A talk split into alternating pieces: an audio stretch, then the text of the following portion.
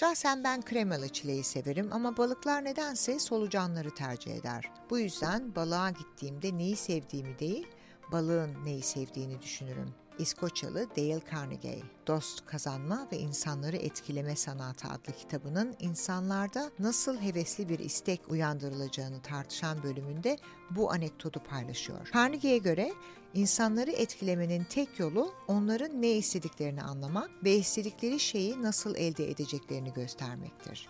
Merhabalar, ben Özge McCray. Hadi birlikte gidelimin dördüncü bölümüne hoş geldiniz. Ve evet, bugün motivasyon hakkında konuşmak istiyorum.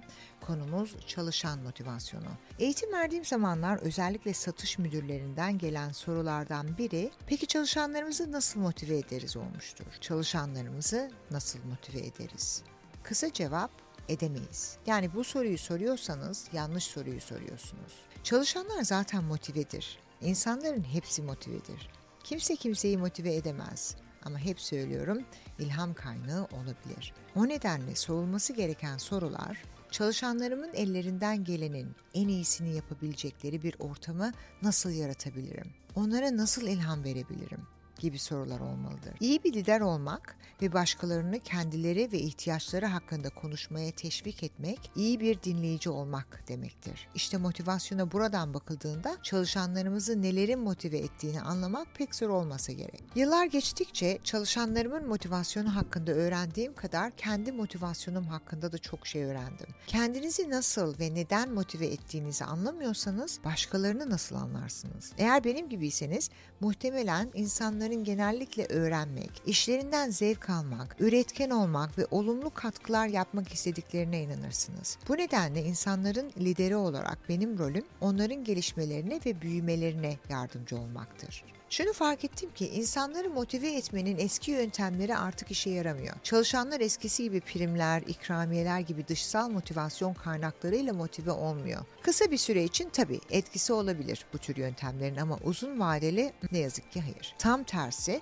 bu mekanik ceza ödül yaklaşımı yaratıcılığın ve sağ beyne yönelik kavramsal yeteneklerin gelişmesine engel oluyor. Yöneticiler çalışanları ile kişiler arası bir ilişkiye sahip olmalı ve insanların ellerinden gelenin en iyisini yapabilecekleri bir ortam yaratmaya çalışmalıdır. O halde çalışanların motivasyonu nasıl ortaya çıkar? Liderler saygı, güven ve iletişim ortamının oluşturulmasından sorumludur. Grup hedefleri için katılım ve ortak mülkiyet yaratırlar. Çalışanları mükemmelleşmeleri ve büyümeleri için motive eder ve ilham verirler ve kuruluşta gurur uyandırırlar. Son birkaç yıl ilişkiler hakkında bir şey kanıtladıysa bizim için o da insanların özellikle kriz zamanlarında bağlı hissetmeye ihtiyaç duyduğudur. Dinlenmeleri gerekir, kabul edilmeleri gerekir.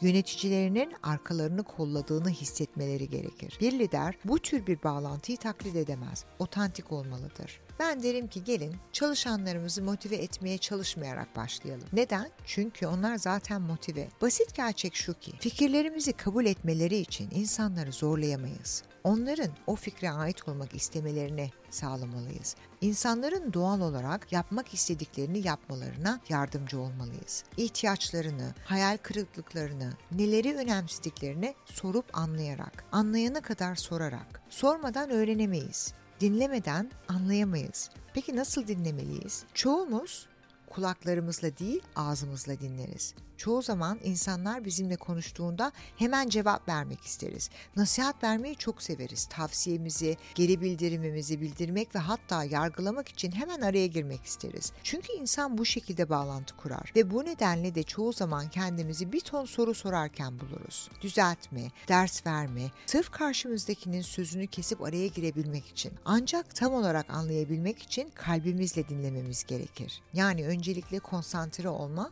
ve dikkat etme yeteneğimizi geliştirmemiz ve genişletmemiz gerekiyor. Zaten çoklu görevde mükemmeliz. Çalışanlarımızdan biriyle sohbet ederken maillerimizi kontrol ederiz. Böylece zamandan tasarruf eder ve birçok şeyi aynı anda halledebileceğimizi düşünürüz. Ama etkili dinleme böyle yapılmaz ve üstelik böyle bir davranış kabalıktır. Ek olarak araştırmalar beynimizin birden fazla görevi yerine getirmede sandığımız kadar iyi olmadığını gösteriyor. Aslında bazı araştırmalar çoklu görevlerin kavrayışınızı dikkatinizi ve genel performansınızı azaltarak üretkenliğinizi engelleyebileceğini öne sürüyor. Şöyle ki yetersiz dinleme varsayımlara ve yanlış anlamalara, etkisiz kararlara ve veya maliyetli hatalara yol açar. Üstelik çalışanlarınızla olan iletişiminiz ve size olan güvenleri zayıflar.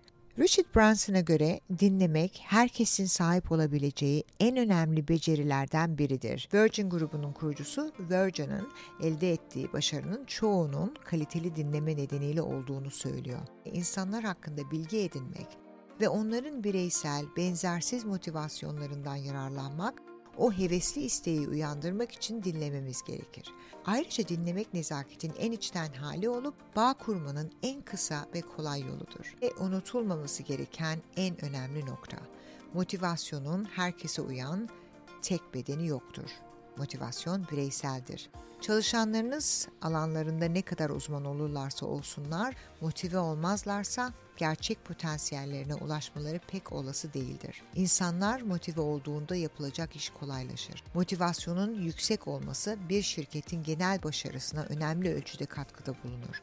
Motive olmuş insanlar olumlu bir bakış açısına sahiptir. Yaptıkları işten heyecan duyarlar ve zamanlarını gerçekten değerli bir şeye yatırdıklarını bilirler. Motive olmuş insanlar işlerinden zevk alır ve iyi performans gösterirler. Başarılı liderler de şirketlerinin bu ruh halindeki insanlarla dolu olmasını ister.